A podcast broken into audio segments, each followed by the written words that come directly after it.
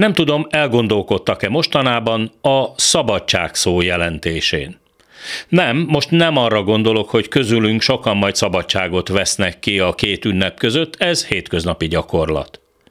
A szabadság szó arról jutott eszembe, ahogy Washingtonban az ukrán elnököt fogadták, aki a háború 301 napja alatt az első pillanattól fogva kiállt országa szabadságáért. Régen nem fogadtak senkit sem ekkora tapsviharral az amerikai törvényhozás épületében, mint Volodymyr Zelenszkijt aki pár éve még csak egy népszerű tévés celeb, aféle stand volt Ukrajnában. 301 nappal ezelőtt az orosz támadás napján szinte pillanatok alatt felnőtt egy új, sokkal fajsúlyosabb szerephez, és az ukrán honvédőháború élére állt. Két nappal az orosz hadsereg támadása után több külföldi nagykövetség is jelezte, készek segíteni az ukrán elnöknek elhagyni Kijevet. Ekkor született Zelenszky szállóigévé vált mondása. Több lőszerre van szükségem, nem kimenekítésre.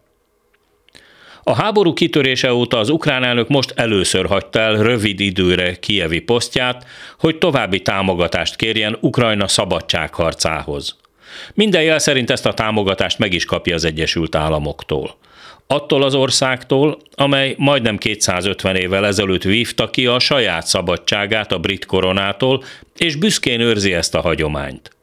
A filadelfiai harangot is a szabadságról nevezték el Liberty Bellnek, amely a függetlenségi nyilatkozatot, az amerikai szabadság alapokmányát ünnepelte 1776-ban.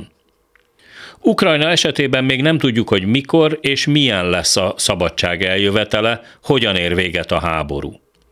De ezt az ünneplést, amit Ukrajna Zelenszky személyén keresztül Amerikában kapott, már nem veheti el tőlük senki.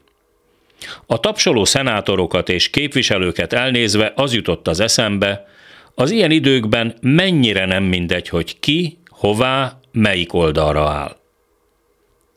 Az esti gyors mikrofonjánál Hardi Mihály, a hírek után kezdünk.